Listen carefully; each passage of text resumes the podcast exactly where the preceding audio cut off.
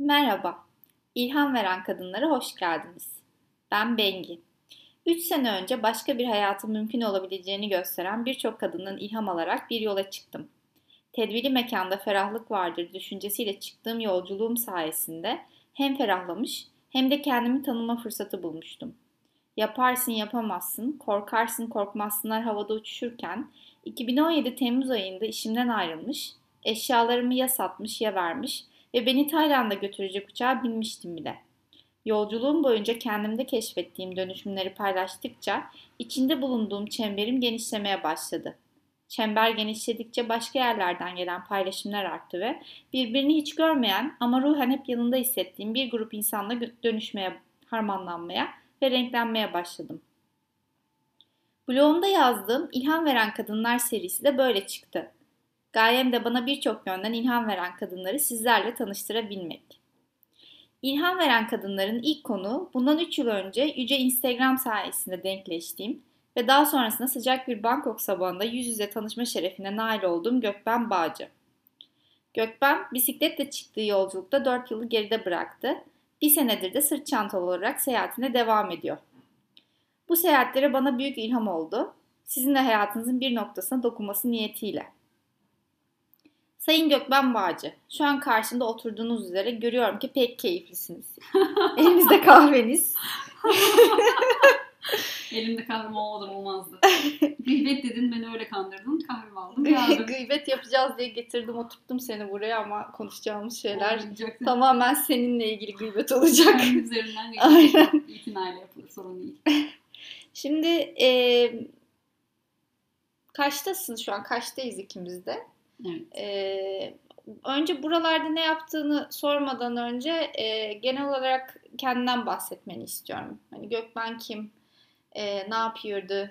Neler yapıyordu? Bisiklete binmeden önce, bisiklete seyahatinden önce. Hmm. O son bisiklete binmeyi Şöyle e, beyaz yakalı hikayen. Nefret. Klasik. Hayatımdan o da neyse sıkılıp. abi niye beyaz yakalı ya neyse. Şöyle çalışıyordum ben Ankara'daydım. Hep Ankara'da oldum. Orada 3 yıl falan çalıştım üniversiteden sonra.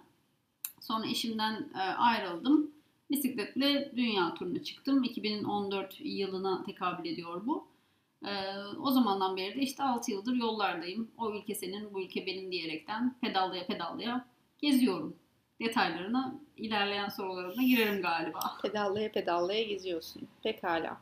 Peki yani şimdi e, yolculuğuna e, bu yolculuğa neden çıktın? Hani bazımız işte beyaz yakalı olup artık bu hayatı kaldıramıyorum. işte öyle saatinde tavuklu salata yemek istemiyorum. Lanet olsun bu hayata. Toplu taşımalara binmek istemiyorum. Ben gidiyorum falan diye atarlanıp mı çıktın? Yoksa neydi yani? Ne oldu? Yani şöyle ya ben atarlanmadım ben. atarlanmadım. Şahsen atarlanmadım.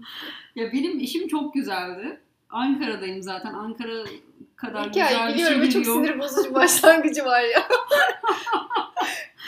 Ee, yani işim güzel, patronum güzel, maaşım güzel, iş arkadaşlarım güzel falan. Her şey çok iyiydi. Ailem Ankara'da zaten. Sosyal çevrem Ankara'da. Dağcılık yapıyorum. Onu da hala yapabiliyorum. Öyle ona izin veren bir işim var falan. Hatta patronum sağ olsun dağlara daha iyi çıkabileyim diye bana 4x4 araba falan aldı yani. Öyle güzel bir işim vardı. Şimdi bunu dinleyenler şey yapacak. Allah da belanı versin. Daha ne istedin kadın? Allah'tan belamı mı istiyorsun? Şimdi ortası. Şimdi oradasın. evet, sonra? Ee, ama ne oldu ya dünya hani geziyoruz tabii iş işimde yabancılarla falan çalışıyordum. Yani yurt dışına gidip geliyordum ama gidiyorsun çalış yani çalışıyorsun geri geliyorsun gittiğin yerde bir şey göremiyorsun. Ya da yılda iki hafta iznin var falan filan. Dünya bundan daha büyük yani. Ee, ve sadece istifa ettim. Yani çok da bir şey düşünmedim. Böyle bir illa bir atarlanmaya gerek yok ya da illa bir şeyden kaçmaya gerek yok. Zaten kaçtığın şey senin zihninde, senin kalbinde yani. Hani tamam belki işini geride bırakıyorsun ama o işin getirdiği e, şeyler sadece iş kaynaklı değil. Sen de onları e, nasıl absorbe ediyorsun, o şeyini durdurabilmen lazım. Yoksa sen aldın fiziğini, gittin başka bir ülke, Tayland'a gittin mesela. Yani yine bir şekilde sorunlar seni bulur. Önemli olan zihninde ve kalbinde rahatlaman yani. Mutluluktan bahsetmiyorum. Mutluluk çok ekstra bir şey belki ama huzur bulmak. Yani huzuru sen burada da bulursun, Ankara'da bulursun, işte bilmem ne ülkesinde de bulursun. Yani ka- kaçarak gidilmez bence. Gidersen de zaten gidenler Evet, Kısa sürede dönüyor. dönüyor, evet. ya da hani uzun sürede dönseler bile döndüklerinde tekrar bir soruna, bir depresyona giriyorlar. Ne yapacağım ben şimdi depresyona? Önemli olan e, zihninde bir huzuru yakaladıktan sonra Hı hı. yola çıkabilmek bence. O yüzden kaçmadım ben. Yani çok da seviyorum aslında Ya her bu, şeyi. bunu mesela söylemen, e, bunu belirtmen çok güzel bir şey. Çünkü ben genelde şöyle bir yaklaşım alıyorum. İşte ne yapıyorsun, ne diyorsun? İşte şur şurayı gezdim, dünya gezdim. Aa ne hoştan sonra işte ey sen kimden kaçıyorsun? Evet. Hayır abi ben bir şeyden kaçmıyorum ya. Ben Kaçmıyorum. bu hayatı bu şekilde yaşamaktan mutluyum. Nasıl yaşamaktan mutluysam onu tercih ettim. Denemek için çıktım ve denediğim şey beni mutlu etti. Bu kadar Sanırım basit. insanların göremediği şey şu. Hani normal hayat kavramı bizim normal hayat kavramımız şu. İşte üniversiteye gir. Ondan sonra çık iş bul. Sonra evlen. işte çocuk yap, araba al falan filan ev al bilmem ne. Yani bu e, olay normal olan bunun haricindekiler de anormal. Biz aşırı anormaliz bence Onlara şu anda. göre. Hı hı. Ama öyle değil. Yani bu gezil, gezilen yaşam şekli de benim normalim. Ben bu yaşam şeklini tercih ettim. Evet. Birçok diğer gezgin gibi. Ee, bana şu an mesela 9-5 çalıştığım bir iş çok anormal geliyor. Ben şunu ve şu an onu ben yapamam. O benim comfort zone'um yani konfor alanım değil. Belki birçok insanın öyle. Oradan çıkmaya insanlar korkuyorlar ama benim için o değil. Yani bu bir yaşam şekli e, ve Zamanla bir yere sıkıştırmak istemiyorsun aslında. Yani. evet yani daha çok şey görebilecekken bu tecrübe, evet, tecrübe edebilecekken neden ben sadece bunu iki haftaya sıkıştırayım? Zaten sıkıştıramadım da. Peki sen e, yatay bisikletle geziyordun. E, bunun normal bisikletten farkı ne? Neden yatay bisikleti tercih ettin? Hı, yatay bisiklet şöyle e, nasıl hani yatay bisiklet deyince belki bilmeyen insanlar olabilir. Böyle kocaman bir koltuğu var. Hani bisikletlerde minik bir e, sele olur ya. Böyle sırtını falan yaslayabildiğin, sallanan sandalye konumunda, bacaklarını da yere paralel kaldırdığın bir sistem. E, bunu tercih etmem nedeni şöyle oldu. Biz bisikletle e, tura çıkmaya karar verdiğimizde eşim o zaman şey dedik. de- iki tane ikinci el normal bisiklet aldık ve Kırşehir'den Adana'ya bir haftada işte 500-600 kilometre falan pedalladık. Ama benim e, omuriliğimde bir problem var. Skolyoz yani omuriliğim yamuk. Ve normal bisikleti her ne kadar ikinci el olsa da kendi vücut ölçülerimize göre ayarladık. Ama bu bana kafi gelmedi. Gerçekten çok sorun yaşadım omuriliğimde. Yani hani kondisyon açısından değildi belki ama omuriliğimdeki sorun belli ki yani böyle çok şahane bir bisiklet bile olsa sorun yaratmaya devam edecek. Sonra da internetten araştırmaya başladık bunun alternatifi ne olabilir diye.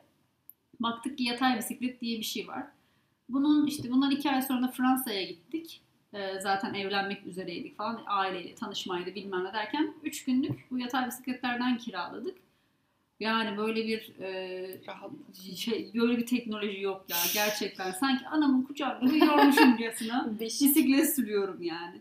Ee, hiç böyle omuriliğim varmış, yokmuş, ağrısıymış falan hissetmedim. Zaten ilk günün sonunda karar vermiştik hani bir dünya turuna bunlarla çıkıyoruz diye. Çok konforlu, biraz yavaş ama çok enteresan bir görünümü olduğu için insanlar şey yapıyorlar. e, Çok saygı duyuyorlar. Arabalar, tırlar yani yolda ne varsa bizden uzaklaşarak geçiyor. Normalde bisikletçilerin ilk sorunu budur. Korkar e, şey Hı hı. yani araçlardan korkarlar. Haklı olarak. Normal Tüp bir bisikletliye göre daha rahat seyahat ettiniz Evet yani. çok daha rahatsız ettik. İnsanlar çünkü bunun ne olduğunu bilmiyorlar. Biraz böyle hani e, uzaktan geçtikleri için hiç e, araçlar e, araçlardan gelen bir sıkıntı, bir tehlike yaşamadık. Zaten e, bisikletli olmanın avantajı da şu. Orta Asya'da özellikle ve Özbekistan'da falan insanlar bize şey soruyorlardı. Siz neden böyle bir şey yapıyorsunuz? Yani E, o- neden bisiklet? Hani e, size devletiniz para falan ödüyor değil mi? Yoksa niye yapasın ki böyle bir şeyi? Bakış açılarıyla yaklaşıp ondan sonra e, bizi sefil olarak görüp bize evlerini açıyorlardı. Neyse yemek ki. falan veriyorlardı. Yani e, ve oradan da zaten kültürel bir yaklaşım oluyordu. Bizim de amacımız oydu. Yani hı. gayet güzel e, işe yaradı bisiklet. Yani Orta Asya'da özellikle. Peki bu mesela normal bisiklet dizaynının dışında bir şey ya. Hı hı. Ee, böyle farklı sorular aldınız mı? Bisiklete dair. Ya bisikleti her gören şey diyordu. Uyumuyor musun? Uyursan düşersin falan. Ya da böyle Sen hani. Ha, yani işte hani e, bir şey kolunuzda bacağınızda bir anormallik mi var falan gibi sorular soruyorlardı. ya insanlar şey yapamıyorlar. E, algılayamıyorlar ne olduğunu. Çok e, en- enteresan bir şey olduğu için o yollardan bizim bisikletimizde geçen maksimum 2-3 kişi falandır. Hı hı. Bir de Orta Asya'da şimdi sen deyince aklıma geldi. Şey de merak ettim. Sorulan bisiklet dışında ilginç şeyler var mıydı? Çok ya. Yani Orta Asya zaten hani direkt bacım diye basıyor bağrına. Ama seninle konuşmuyor. Heh, yani bir kadınla iletişimleri Yok, eksik değil Yok? Genelde ya da erkek yok varsa yani, evet. net. Mesela benim işte eşim e, eşim Fransızdı ama Türkçe biliyordu. Özbek Özbekistan'da ya da Orta Asya'nın diğer birçok ülkede de hani Türkçe konuşuluyor, anlaşılabiliyor falan. Ya da eşim anlamasa bile ben ona yönlendiriyordum, söylüyordum yani ne, de- ne demek istediklerini. Soru şu mesela bana en enteresan gelen soru eşime şunun sorulması. Kaça aldın bunu? Hadi canım bunu önce mı? bisikleti soruyor sandım. bisikleti kaça aldın falan diye soruyor sandım. Beni sormuş. Beni kaça aldığını sormuş yani. Anlamadık ama 5 dakika algılamaya çalıştık falan. Sonra yani tabii ki yok öyle bir şey falan dedik. En enteresanı buydu ama onun dışında günde 5 kere olmak suretiyle şey sorusu. Çocuğunuz yok mu? Ha, evet. Yani çocuğunuz yok mu sorusu ya olsa bisikletle geziyorum. Hani olsa olur değil mi artık? E, eşim şey diyordu. Var çantada. Çantada geziyor falan. Ya o kadar bunaltıyor ki bu soru bu. yani bu var başka ne var? İşte ajan mısınız siz falan Ha. gibi sorular. Böyle yani enteresan sorular Enteresan geliyordu şeyler. Evet. Özellikle kadının üstüne, ha, kadına dair sen mesela evli misin? Erin nerede? Ha, bana da en çok o sordu. Erin nerede? Ondan sonra sana bir işte Kırgız prens bulalım. Ay evet yani Yok ablacığım bulma. Niye ge- şey sordu mesela bir tanesi. Neden geziyorsun? Şimdi sana bunu nasıl anlatayım? Şimdi evet, ya güzel bir soru. En azından erin var yani erin Yok daha aslında enteresan. daha şey neden evlenmiyorsunun farklı bir versiyonu gibi bir şey. evet. Ya evet ama bu- bir de bu sürekli birilerinin yapma olayı. Benim oğlum var, Evet. komşunun Oo, oğlu var evet. falan. O çok çılgın. Ama yine de fiyatının sorulması bence en enteresanıydı. Zaten yani şöyle bir kültürleri var ya özellikle Kırgızistan'da. İşte atıyla kadını kaçırıp evleniyor ondan sonra işte bir aileler tanışıyor falan. Önce bir kaçırıyor yani. ben bunu beğendim aldım falan. diye. Niko da beni bisikletiyle kaçırdı. Yolda tutmuş. Çanta yaptı beni. Çantalı çocuk yok ben varım aslında. Kafa çıkıyor. Cüceyim. Cüceyim ben. Cüceyim ben. Şimdi e, şey sormak istiyorum bir de. E, şimdi şey planlı şöyle çıkmadınız ya yola. İşte biz e, bir yıl boyunca gezeceğiz. Ondan sonra iş hayatımıza geri döneceğiz diye bir planınız yoktu sonuçta. Evet. E, ama duraksadığınız yerler, çalıştığınız yerler oldu. Bu bir hissiyattan gelen bir şey miydi? Yani "Of, çok yorulduk artık duralım ya da işte bir depresiflikle gelen bir şey miydi? Yoksa işte ya bir şans geldi, bir işte fırsat geldi. O zaman biz durup çalışalım mıydı? Hı hı. Yani şöyle, e, şimdi biz Fransa'dan başladık yola. Türkiye'ye vardığımızda 8 ay geçmişti. E, normalde biraz daha uzatabilirdik şeyi, e, Avrupa'yı, Yunanistan'ı, Bulgaristan'ı falan filan ama tam annemin doğum günüydü benim ve Türkiye'ye gitme hissi böyle varıyor olma yani evine varıyor olma hissi ağır bastı galiba. Kısa kestik, geldik 8 ay içinde Türkiye'deydik. Bu 8 ay meğer bizim böyle dönüm noktamız gibi bir şeymiş. Türkiye'den Çin'e pedallarken de 8 ay yoldaydık. Çin'e vardığımızda yine böyle bir hmm, dursak mı acaba dedik ve durduk. Çin'de İngilizce öğrettik bir yıl. Sonra Çin'den devam ettik pedallamaya. Güneydoğu Asya'da pedalladık falan. Sonra e, bunun Güneydoğu Asya'da da 8 ay pedalladık.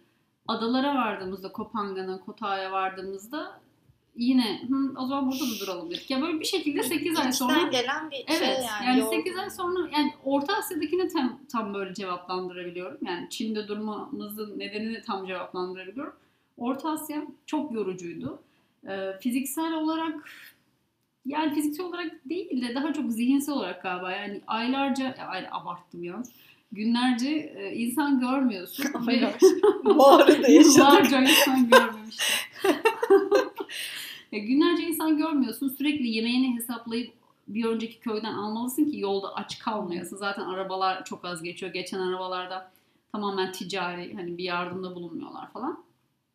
O kısımdan çok yormuştu. Ama Güneydoğu Asya'da Kopangan'a vardığımızda mesela o his farklıydı. Ya ben orada bir ay e, bir yoga okuluna gidecektim. Bir ay oldu 6 ay falan. Hani o plansızdı. Ya da böyle bisiklet turunun turundan gelen bir yorgunluk falan değildi. Ee, yani çeşitli nedenleri var o duraksamaların ama zaten şöyle ya e, çıkarken aklımız şey şöyle diyorduk şöyle bir cümlemiz vardı. 4 yıl bisikletle dünya turu yapacağız. Hı. Bir yılda Avustralya'da çalışırız belki falan diye bir düşünce vardı bir plan vardı ama biraz önce bahsettiğim gibi bu bizim yaşam şeklimiz ama bisikletle dünya turu hep bisiklet üstünde olacağız her gün gibi bir kuralımız yoktu yani. Çünkü hani keyfimiz bilir ya neden Yani, hani evet. bisiklet yarışına mı hazırlanıyoruz Kesinlikle. arkadaşım rekorumu kıracağız yani. Yo ben kendi keyfimi gezdiriyorum Hı hı. sadece. O yüzden orada durmak istedik durduk. İşte yani e, çalışmak istedik iş bulduk. Şanslıydık iş bulurken. Ayrılırken hiç arkamıza bakmadan direkt ayrıldık pedallamaya devam ettik falan.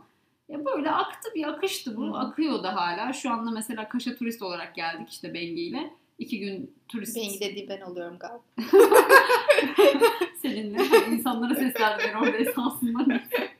İki günlük turist olarak geldik. Üçüncü günü uzattık. Üçüncü günün sonunda ya biz burada yaşasak mı acaba falan dedik. Beşinci gün ben iş buldum. İşte sen de Altıncı aynı gün gün, falan buldum. yani iş bulduk. Yani sonra yedinci gün ev bulduk falan. Ya böyle bir oldu. Şu an buradayız. İki ay falan oldu buraya geleli. Buradan sonra da işte korona bitince yine gideriz. Bir orada yaşarız, burada yaşarız. Yani bu da bizim hayatımız, hayat şeklimiz şek- bu. Yaşama şeklimiz evet. Ya bu işte seyahat etmeye başlayınca e, olan şeylere uyum sağlayabilme e, yetisi daha hızlı gelişiyor galiba. Çok güzel adapte oluyoruz. Ha, çok Gitmeye hızlı bir de şekilde da. evet çok hızlı bir şekilde insan ilişkileri de buna dahil işte çalıştığın işte yaşadığın yerde buna dahil çünkü sanırım sorgulamamaya ve tecrübeye odaklanmaya başlıyor bir süre sonra. Evet. Bir de hani biraz önce bahsettiğim şey gelen bazı gezginler e, sonunda depresyona giriyor ülkeye döndüğünde. Mesela bu sana da olmadı, bana da olmadı yani. E, çünkü hala bir hareket halindeydik. Bir şeyler hey, bir heyecan vardı yani bitmedi. Yani şu an hala bitmedi. Sen de Evet. kaç dört yıldır mı yoldasın yani? ta Üç buçuk yıl oldu. Yani hani hala bir heyecan var. Hı hı. Yani mesela atıyorum yarın bir yere yerleşmeye karar versen de onun heyecanına dönüşüyorsun. Kesinlikle evet. Yani o Bak çok güzel söyledin. Dönüşüyorsun. Yani bir şeyin içinde ona doğru evriliyorsun. Evet. Açıksın Evet, çünkü kafan açık yok. olacak Evet. yani. Bence yolun getirdiği en güzel En güzel şeylerden, şeylerden. Onu biri. soracaksan cevabım. Evet çoktan e, cevapladığın için teşekkür ederim. Programı burada bitirebiliriz. Sorum kalmadı. E, peki yani Kaş'a yerleştin öyle. Ben bu, biz burada yaşarız falan diye yerleştik. Peki şu an ne yapıyorsun? Şu an bir pansiyonda Hı çalışıyorum. hı. Ee, işte gelen misafirlere hoş geldin, beş gittin, odan şurası diyorum. Kahvaltı servisinde yardım ediyorum. Ee, aslında işletme yapıyor gibiyim. Çünkü patronlarım işte bir çift ve yeni çocuklar oldu. O yüzden pansiyonu direkt üzerime bırakıp gittiler. İşte Üzerime bir şey yaptım. bozuluyor, onun tamircisini çağırıyorum Hı hı. falan filan. Ama bu yani çok yoğun bir iş. Ee, sürekli her günde bir sorun çıkıyor zaten benim tamir edemeyeceğim ya da müşterilerle ilgili bir şey. Ama çok mutluyum. Neden? Çünkü zaten bu yoldayken benim tecrübe etmek istediğim iste- işlerden bir tanesi burada böyle bir pansiyon, otel işletmeciliği. Bir barista, barman ve bir garson. Bunların hepsini tecrübe etmek istiyordum. Ve gönüllü bile yap- yap- yapacaktım yani Hani bundan sonra. Yani bisikleti bıraktım şu anda ve sırt çantasıyla ve daha uzun süre e, kalmalı bir gezme olayına dönüşüyordum yavaştan.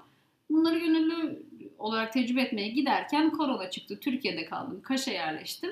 Bu işte ayağıma geldi yani ve süper. Hani şu an kendimi görüyorum. Ee, bu işin bana uygunluğunu ölçüyorum. Tecrübe ediyorum falan. E, mutluyum yani çok. Kaş sıcak değil nem var pardon. Çok, Çok pardon. nem var, Çok, çok nem kaşta var. nem var. E, onun haricinde Kaynama derecesinde. evet baloncukluyuz. Yani pansiyonda böyle çalışıyorum. E, işte mutluyum gayet. Hı hı. Ee, ya bir de mesela şey dedik ya hani bir yere adapte olabilme işte kaşa adapte olabilme yola adapte olabilme çok hızlı bir şekilde. Ya sanırım e, bir hedef koymamakla ilgili. İşte ben nacizane şunu da eleştiriyorum. E, basmadığım toprak kalmasın. İşte ne bileyim 186 ülke göreyim e, bayrağımı oraya asayım. Ama ona odaklandığın zaman e, bu sefer yaşayacağın tecrübeleri kaçırıyorsun. E, Bu Evet. sefer adapte de olamıyorsun. İşte orada depresyon başlıyor. Ya şeyde mesela biz e, hani ben de mühendisim, eşim de mühendisti. E, ilk başlarda şey mantığıylaydık. Böyle bir Excel dosyamız var. İşte yaptığımız kilometreleri yazıyoruz falan filan. Evet bütçemiz falan. Gerçi bütçeyi ben hala yaparım da. Yani böyle çok e, istatistiksel yaklaşıyorduk olaya. E, sonra bu ilk zamanlar yani hala onun verilerini tutuyoruz. Yani sonra yardımcı oluyor işte para harcama konusunda falan filan ama mesela ülke sayısı bana ülke sayısı soruyorlar kaç ülke gezdin diye. Yani e, hani abartma tabii ki biliyorum 26 27 gene bilmiyormuşum da neyse onlardan da 28 olabilir. E, ama hani bu mesela bisiklet turunda evet bu kadar ülkeyi gezdim ama kaç tanesini ne kadar sindirdin kaç tanesiyle ilgili detaylı yorum yapabilirsin, ne hissettin o ülkelerde falan gibi sorulara cevap vermeyi seviyorum ben. kesinlikle. Çünkü önemli olan o. Yani işte şu ülkeye kesin gideceğim, işte e, orada şu varmış, gez, onu göreceğim falan değil. Yani şöyle mesela hani bir ilk kez yurt dışına çıktığında işte gezilecek yerler listen vardır ya Hı hı oralara gidersin falan filan. Herkes öyle bir başlar zaten. Bu çok normal. Çok normal aynen. Ben de böyleydim. Ama yani e, çok uzun süreli yolda olunca zaten aklın bir süre sonra oralara gitmek istemiyor. Yani hani şey yapamıyorsun işte. Ha burada da mı şelale varmış? Tamam okey. Bir zaten 15 milyonuncu şelalem ya da işte 5. tapınağım falan filan gibi. E, bir yerden sonra arayış içine giriyorsun. Hı hı. Yani neden geziyorsun sorusuna bir cevap. Yani zaten otelde sormuş ya sana Özbekistan. Neden geziyorsun? Ben şu anda e, skor kırmak için, ya zaten hiçbir zaman öyle gezmiyorum da skor kırmak için gezmiyorum. Sadece artık ne öğrenebilirsem, kendimi ne ne açıdan geliştirebilirsem onun olabileceği yerlere gidiyorum. Ha mesela atıyorum Filipinlere giderim. Orada tenime çok güzel uyan bir tecrübe yaşarım ve orada 3 yıl kalırım. Evet, kalırım abi basit. yani o zaman orayı sindirmiş olurum. Atıyorum ondan sonra Avustralya'ya giderim.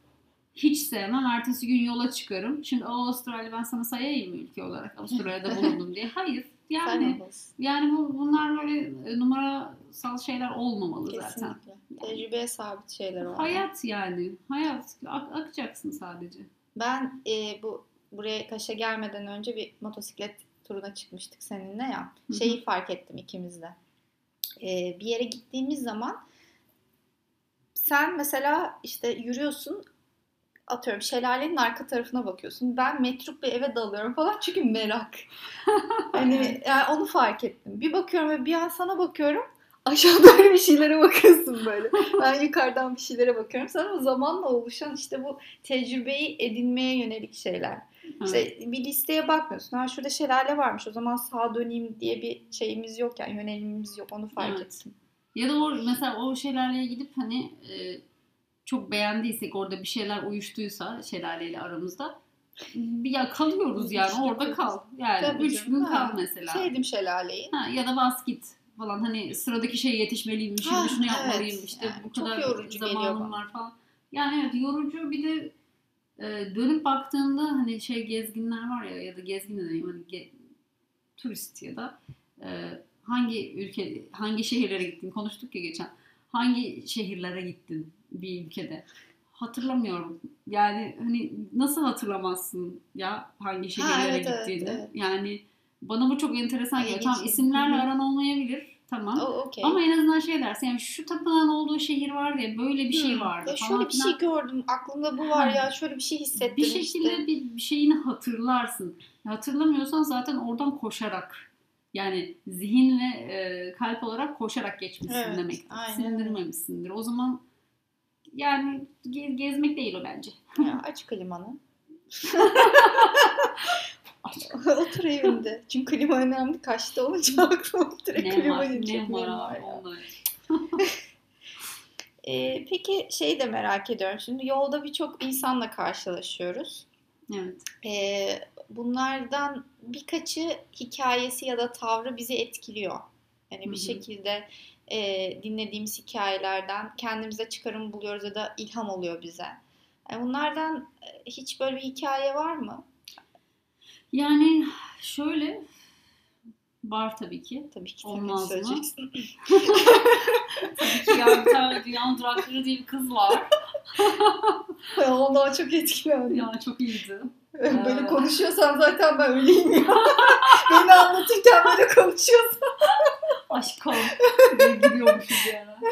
Ya çok hikaye var. Ee, Şu an hatırlamıyorum. O kadar çok hikaye var ki. Yani hatırlamıyorum derken hangi birisini anlatacaksın ki? Yani şöyle böyle büyük hikayesiyle karşına gelen insanlar seni illa ki etkiler ama minik minik böyle 5 dakika muhabbet ettiğin insanlar bile sana bir şey katıyor. Yani bu gezinin, bu e, hayatın zaten her dakikasında bir şeyler öğreniyorsun. Yani eğer açık bakıyorsan zaten hani fikrin açıksa, at gözlüğün yoksa falan. Ama böyle her e, seferinde aklıma gelen yani neden bu kız geliyor aklıma bilmiyorum. E, mekandan da olabilir. Şeydeydik Çin'in Kaşgar e, şehrindeyiz. Yani en batısındayız. Uygurlar var. Uygur Türkleri. E, orada bir hafta falan kaldık zaten Orta Asya'nın bitişi, Çin'e girişimizi kutlamak amaçlı yaydığımız bir dönem yani. Bir buçuk hafta mı kaldık ya da öyle bir şeyler yani hani yaymalıyız. o sırada da yani bir tane hostelde sedir var ben orada yayıyorum. Bir buçuk hafta böyle insanlar geliyor işte. Gidiyor muhabbet ediyorum. Sonra tekrar gidiyorlar falan. Öyle bir durum. Orada bir çiftle tanıştık. Fransız bir çift. Benden 10 yaş küçüktü. Yani en az 10 yaş küçüktü. Onlar da işte bisikletçiler. Ee, ve bizim gibi işte Fransa'dan başlamışlar. Bir yere, Yeni Zelanda'ya falan filan gidiyorlar artık neyse. O kadar lalet aynı bahsettiğim ki yanlış yani. Nereye gidiyorlar? Bisikletçi Fransa'dan başlamışlar oldu. Ee, kız şöyle moda tasarımcısı gibi bir şeydi galiba. Bisiklet turu yaparken şimdi bu bizim hayat şeklimiz diyoruz ya hayatta da kararlar verirsin falan. Ama bir gezgin olarak e, ya da bisiklet turu bisikletle gezen bir insan olarak her resmen her saniye bir şeylere karar vermek zorundasın. Yani bu akşam nerede kalacağız? Yanımızda yemek var mı? Suyumuz yeterli mi? İşte e, hani bu bize buraya yetecek mi falan diye sürekli bir şeyleri düşünüyorsun. Hayatta kalma mücadelesi bir Aynen. yandan da. Yani zaten aklın çok Hı hı. dolu. Ee, bir de zaten gezdiğin yerleri sindirmeye çalışıyorsun falan. Aslında böyle çok böyle e, çok gönlü bir şekilde çalışıyor beynin. Artı bir şeye benimkinde yer yoktu yani. Ama bu kız bunların hepsini yaparken bir yandan da bisiklet turunu bitirdikten sonra Fransa'ya geri döndüğünde kuracağı işiyle ilgili zihinsel yatırım yapıyordu. İşte şunu yapacağım, bunu yapacağım. O zaman şimdi ben internetten bunu araştırayım. Ee, işte şu şu insanlarla bu ilişkiye gireyim, şu şeyleri hazırlayayım. İşte bu şirketi kurarken bu be- belgeler lazımmış, onları da yapayım falan. Bunlar 7-6 ay 6-7 ay sonra belki yani minimum Fransa'ya dönecek mesela. Şimdiden yaptığı şeyler hani ben buna hayran oldum. Herkes olmayabilir. Belki bir insanlar yani anın tadını çıkar falan diyebilir. Ama kız zaten anın tadını çıkarıyor. Bir kere de onu da bisiklet- yapabiliyor yani. Evet yani bisiklet üstündeyken üstündeysen zaten o kadar yavaşsın ki yani anın tadı zaten her yerinden boğum boğum ter olarak çıkıyor yani. Beni boğdu boğdu. ya işte hani çok kız kendini ikiye bölebiliyor zihin olarak ve e, çok da verimli bir şekilde yapabiliyor bunu. Ben bunu takdir ettim. Yani ben hani sadece hayal kuruyordum işte bisikletli dünya turundan sonra ya bir çiftliğim olsun, bir pansiyonum olsun falan filan diyordum ama yani sadece bu. Cümle burada bitiyordu. Ama o kızı gördükten sonra abi bir hayal kuruyorsan Hı hı. buna biraz daha Yatırım bir yatırım yap- yapman lazım turdaysan bir de Evet. hani Bunu gördüm bu çok, çok etkiledi. Ya daha çok var bir sürü etkileyen insanlar ama nedense sürekli bu kız geliyor aklıma. Beynime Hı. empoze etmiş bak tabii öyle bir insan. Ya bu, bu tarz bir insan olmak istediğin için demek ki Olabilir belki de evet. oldu. Yani Evet. kıskanmışım yarısından. Neresi Aa, içine atmıştı şimdi söylüyor. Birisi sorsa diye bekliyormuş. Hmm, Bir de yoga eğitmenliği kısmın var senin. Bana, bana şey çok e, komik geliyor. Yogaya başlama hikayen. Onu bana anlatabilir misin? Tabii ki. Ya bu Şu- arada bence en güzel şekilde başlamışsın. Onu da belirtmek istiyorum. Çok eğlenceye başladım. Şimdi Çin'de yaşadığımız dönemde e, ya böyle ben hep kung fu öğrenmek istemiştim. Yoga demiştim ne alaka diye gireceğiz şimdi. Şöyle şimdi e, Chengdu diye bir şehirde yaşıyoruz. Yaşıyorduk Çin'de. Chengdu böyle İstanbul gibi bir şey kocaman böyle bir sürü metro hattı var falan filan. Kurs almak kung fu kursuna da başladım ama kurs şehrin T öte yanında. Bisikletle geziyorum kaç yüzyıldır. İstanbul komplikesini yaşayamayacağım. Metro ile saatlerce De git falan yani. filan. Birkaç kere gittim kung fu kursuna. Ee, ama yani artık o yolu çekmek istemedim. O zaman şey dedim ya kung fu yoksa ne yapsam yoga yapayım bari dedim. Yogaya dair yaklaşımım bu yani. Bu kadar sığ yerlerde yerin dibinde. Neyse sonra bir kız buldum. Yeni yoga hocası olmuş. Baş, birilerine ders vererek tecrübe etmek istiyor bu öğretmenleri. Evime geliyor falan. Bana yoga öğretiyor. Ama aşırı yeni olduğu için e, yoganın zihinsel kısmıyla bir ilgisi yoktu. Biz sadece fiziksel yani yani yaptığımız pozların adının asan olduğunu falan bile bilmiyorum yani. O da o biliyordur o da yani. Sadece fiziksel öğretti bana. Çin'deyken işte bir 5-6 ay falan yaptım galiba. Arada arkadaşlarla geliyordu falan. Sonra Çin'den ayrıldıktan sonra bisiklet bisiklete bindikten sonra indikten daha indikten sonra daha doğrusu e, esnetme hareketleri falan şeklinde yaptım. Yoga değildi kesinlikle. Ama sevmişim yani neyse o bana ne verdiyse o sırada sevmişim demek ki. Tayland'a vardığımızda ben şey dedim. Ya ben yoga okuluna gitmek istiyorum ama yani eğitmen olmak için değil. Sadece daha çok öğrenmek için. Bir aylık gönüllü çalışabileceğim bir yoga okuluna gittim. Orada sahili falan temizledim. Gönüllü çalışmaktan kastım buydu. İşte sahil temizliyorsun bilmem ne. Bir yandan da derslere giriyorsun. Zaten günde dört tane yoga dersi var. Farklı farklı hocalar. Oraya girdim.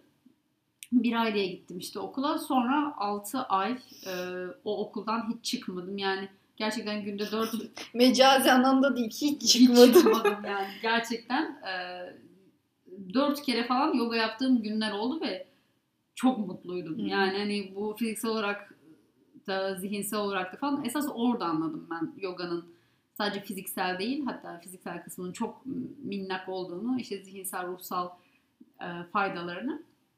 Bu 6 ayın işte e, bir kısmında yoga eğitmenliğini de aldım orada.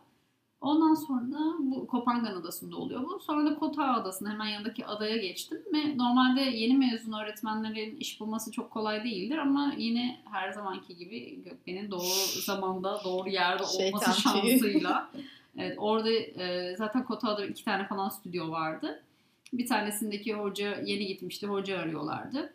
Oradaki e, şeyde patron da mentor yani kendisi de eğitim, eğitmen e, zaten. İşe aldı beni falan. Çok da güzel uyuştuk. 8 ay boyunca orada e, her gün yani 7 gün bazen işte günde 2 defa yani yaklaşık 10 ders falan veriyordum haftada. Hı hı.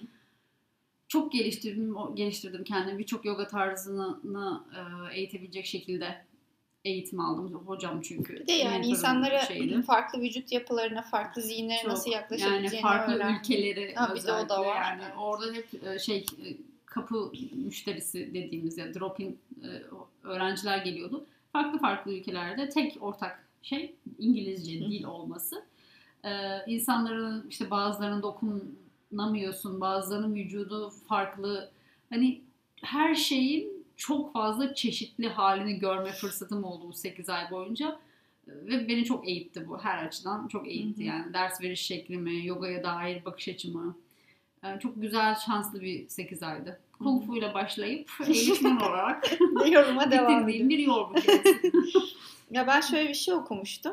Ee, işte bu yogaya yeni başlayanlar için e, bedenini işte eğit, zihninde onu takip eder. Çünkü o bedensel olarak yaptığın hareketlere odaklandığın zaman e, meditasyon gibi aslında Hı hı. nefesine odaklanman gibi ama bence bedenle yapılan hareketler daha işte yürüme meditasyonu gibi mesela daha e, etkili oluyor. Hı hı. E, Çünkü zihnini oraya odaklayabiliyorsun. İşte kolunu kaldırmaya, nefesine odak işte düzgün bir şekilde nefes vermeye odaklandığın zaman o zaman zihnin de eğitilmiş oluyor. Hı hı. Hani yogaya yeni başlayanlar için biçilmiş kaftan olabilir Yani yaklaşım şöyle olarak. e, aslında hani böyle sadece Türkiye'de mi bilmiyorum ya da tüm dünyada mı e, nasıl bir yaklaşım bu bilemeyeceğim ama şey var. Hani biraz sorunun mu var? Ay sen kesin yogaya bas, başla. Sana çok iyi gelir yoga bak yani kafanı rahatlatır falan filan. Yoga öyle bir şey değil ya. Yani hani e, depresyondayım. Yoga beni çok hemen iyileştirir. Bir ayda hop şey gibi çıkarım. e, güçlü bir şekilde çıkarım değil yoga. Hatta benim başladığım gibi fütursuzca, zihinsizce, bilinçsizce sadece fiziksel kısmından başlamak Hı hı. çok daha faydalı diye düşünüyorum. Nacizane görüşüm. Neden? Çünkü e, hem bir kere insanlar fiziksel kısmı çok daha kolay yapabiliyorlar. Evet. Kolay derken şu, zihni, o maymun zihnimizi sakinleştirmek hala hani her birçok insan için zor. Ama fiziksel hareketleri yani yanlış da olsa tabii yanlış yapmak tehlikeli ama yanlış da olsa bir şekilde yaparken o bir buçuk saat her şeyden uzaklaşıyorlar. Ama sadece işte hoca sağ kolunu yukarı kaldır dediği için ona odaklanıyor. Ha tamam sağ kolumu yukarı kaldırıyorum şimdi. Derken zaten o kafasındaki of sevgilimde de şöyle bir sorunum var ya falanı arka plana atıyor. Bazen hatta tamamen elimine ediyor. Bu sebeple şey hani fizikselden başlayıp yavaş yavaş olayın medite kısmına dönersen eğer bir insan bence yogadan çok daha fazla verim almış oluyor. Benim görüşüm bu. Evet, yani evet. yoksa ben bütün e, şey yaralarımı iyileştireceğim, Hı. yogaya başlayayım diye başlayınca e, meditasyonu zorla başlayıp 20. saniyede bırakmakla bir fark, farkı, yok, bence bunun. Kesinlikle öyle. Ya bir de şey gibi e, evet karşına bir öğretmen var ve bir sınıftasın etrafında insanlar var. Ama o hareketlere odaklanınca aslında matın üstünde kendine baş başa kaldığın bir saat oluyor. Evet. Ve işte normalde telefona bakmadan duramadığımız, insanlarla iletişim halinde kalmadan işte vaktimizi geçiremediğimiz o bir saatte e, başka şeyleri de keşfedebiliyoruz zihnen. Ve yani e, şöyle bir şey de var. Hani meditasyon yaparken yani bilmiyorum herkes oluyor mu? Bana oluyor en azından. Ben çok zorlanıyorum. Ama mesela yoganın bazı tarzları var. Hani ashtanga işte yani bazı arkadaşlarımız biliyordur. Ashtanga biraz daha hızlı ve biraz daha odaklanman gereken, nefesine özellikle odaklanman gereken bir tarz. Ben onu yapacağım derken bir bakmışım işte bir buçuk saat geçmiş ve kendime dair hiçbir şey düşünmemişim.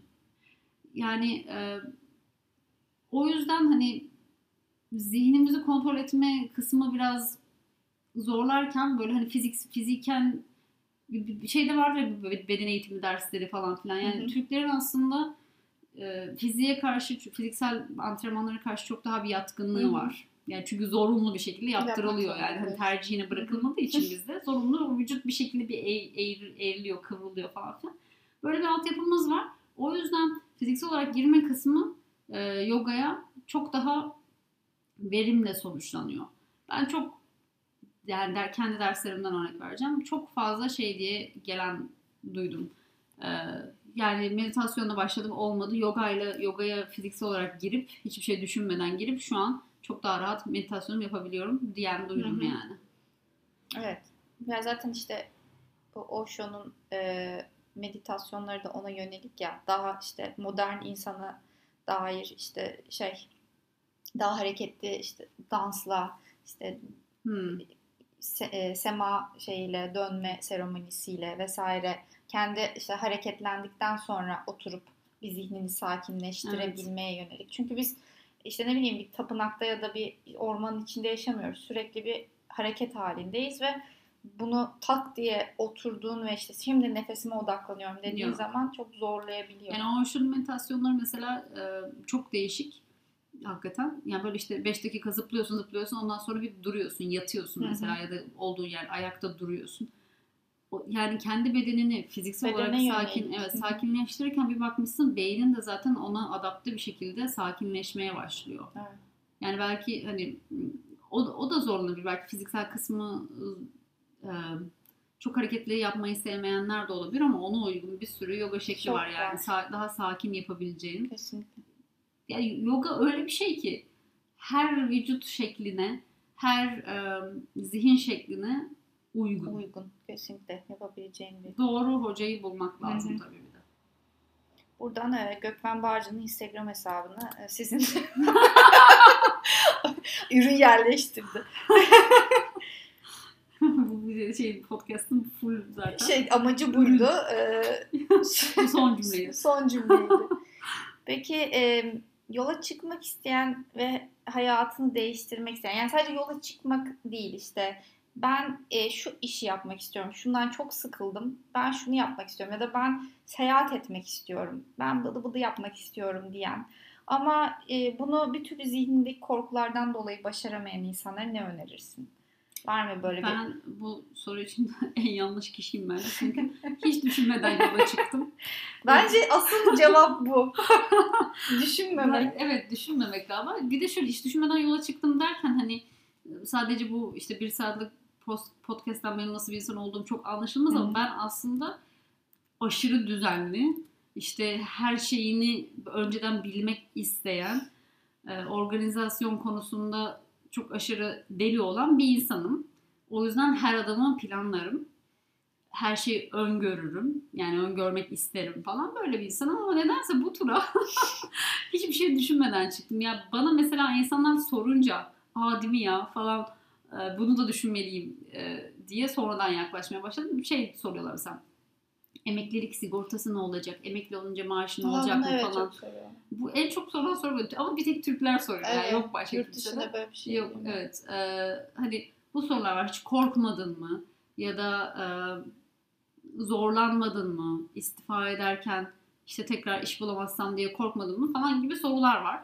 Bunlar normal sorular. Ben bunları e, normal olarak kabul ediyorum. Çünkü birçok insanın e, korkuları bunlar. Güvenceye ihtiyaç, her Evet. hepimizin ihtiyacı var güvenceye. İşte konfor alanına demeyelim ama güvenceye, Evet. güvende hissetmeye. bir şekilde maddi olur ya da yanında Hı hı. birisinin olmasıyla olur falan bir şekilde evet ama bence e, yola çıkmamızı ya da işte bu yol herhangi bir şey olabilir senin dediğin gibi bir seyahat olabilir ye- yeni bir iş başlangıcı olabilir yeni bir e, eş başlangıcı olabilir yeni bir hayat yani ne olursa olsun E, yola çıkmadan önce aklımızda yüzlerce soru oluyor ama o soruları soran biziz çünkü soruların önündeki engelleri yaratan da biziz. Evet.